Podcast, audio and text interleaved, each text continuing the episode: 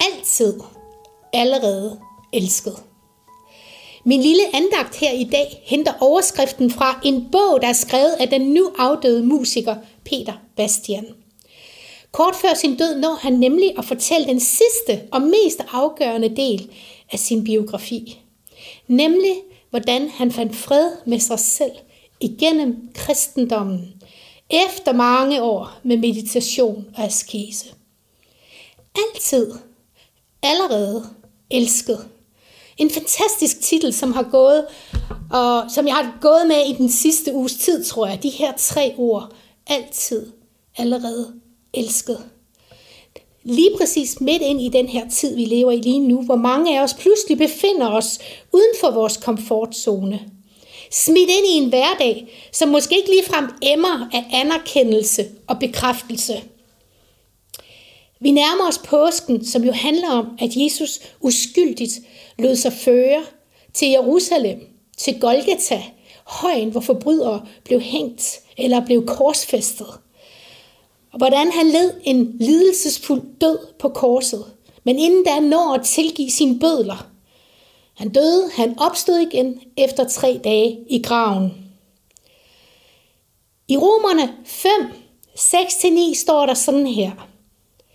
Mens vi endnu var magtesløse og ugudelige, kom Kristus i rette tid og offrede sit liv for at redde os.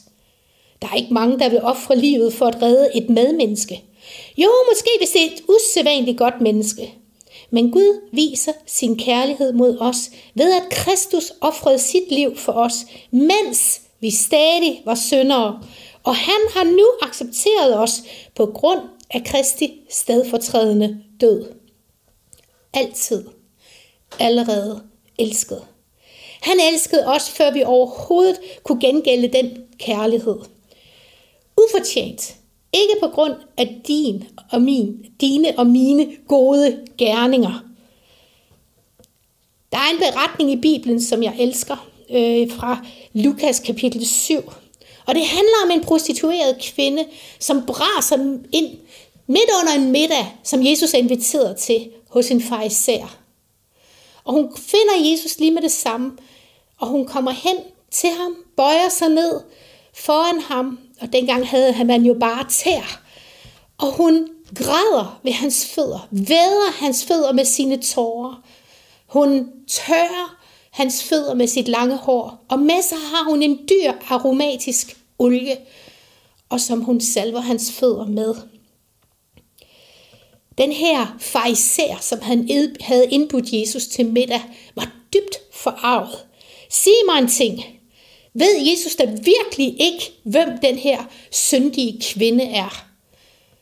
Den her fariser, han kunne Guds lov både forfra og bagfra, og han forsøgte af al kraft at leve op til alle Guds bud og standarder. Og nu står han her. Jesus, hallo. Kan du ikke se, hvem den her kvinde er? Og hun ligger bare der. Sig dog noget til hende. Men Jesus, han er bare så anderledes. Han svarer farisæeren ved at fortælle en lille historie om to, der skylder den samme mand penge. Den ene skylder 50 denarer, den anden skylder 500. De får begge eftergivet deres gæld.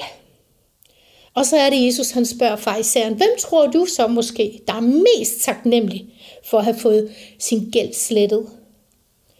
Og fejseren kan jo også godt svare på det spørgsmål. Selvfølgelig ham med den største gæld.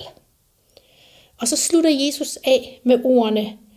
På grund af den store kærlighed, denne kvinde viser, kan du se, at hun har fået sine mange sønder tilgivet. Den, som kun har fået tilgivet lidt, viser ikke mig en kærlighed. Og derefter sagde Jesus til kvinden, dine sønder er tilgivet. Det var vildt provokerende for den her fejser.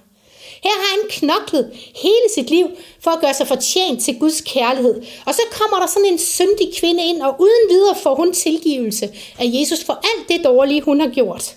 Det er jo ikke retfærdigt. Og det følger slet ikke almindelig sund fornuft og logik. Hvad med forbryderen, der hang på korset ved siden af Jesus? Han vidste udmærket godt, at han havde fortjent sin straf. Men han vidste også godt, at Jesus var uskyldig. Og ydmygt beder han, lige før han dør, Jesus, husk på mig, når du kommer til dit rige. Og Jesus svarede, det siger jeg dig. I dag skal du komme med mig til paradiset. I sandhed ufortjent, for han kunne i hvert fald ikke nå at gøre en eneste god gerning. Alligevel fandt han tilgivelse og noget hos Jesus. Du og jeg er altid, altid, det rækker fremad, altid, i al evighed. Men du har allerede været elsket, før du vidste af det. Du og jeg er altid allerede elsket. Det er så ufortjent. Så meget ulig alt, hvad der foregår i den her verden, hvor anerkendelse og accept kommer af det, du kan yde og det, du kan præstere. Ja, selv kærligheden skal man jo fortjene sig til. Men Jesu kærlighed til os skiller sig markant og afgørende ud. Bibelen kan faktisk næsten fortælles bare med et eneste skriftsted, nemlig fra Johannes 3:16. Til således elskede Gud verden, at han gav sin søn, den enborne, for at enhver, som tror på ham, ikke skal fortabes, men have evigt liv. Det er ved troen på Jesus, og det er ved at tage imod. Troen i sig selv gør det ikke, men du må tage imod hans tilgivelse og hans kærlighed. Den betingelsesløse kærlighed. Og det er derved, at du kan finde fred med Gud og fred med dig selv. Og først der kan vi vide i hjertet, at vi altid allerede er elsket. Amen. Hvis du sidder her i dag og oplever, at du enten er kommet på afstand af den her kærlighed, eller måske aldrig rigtig har oplevet det i dybet af dig, at virkelig at føle sig elsket af Gud, føle sig elsket af Jesus, så vil jeg rigtig gerne bede en bøn for dig. Måske du kunne lægge hånden på dit hjerte, og så vil jeg bede om, at Jesus må møde dig med den her altid, allerede elsket kærlighed. Jesus, jeg takker dig, fordi du vil gøre ord, mine ord her, som måske er fattige og små, men gør dem levende. Her jeg beder om, at i dag er der nogen, der må tage imod og tro dig, Jesus. At du døde på korset for dem.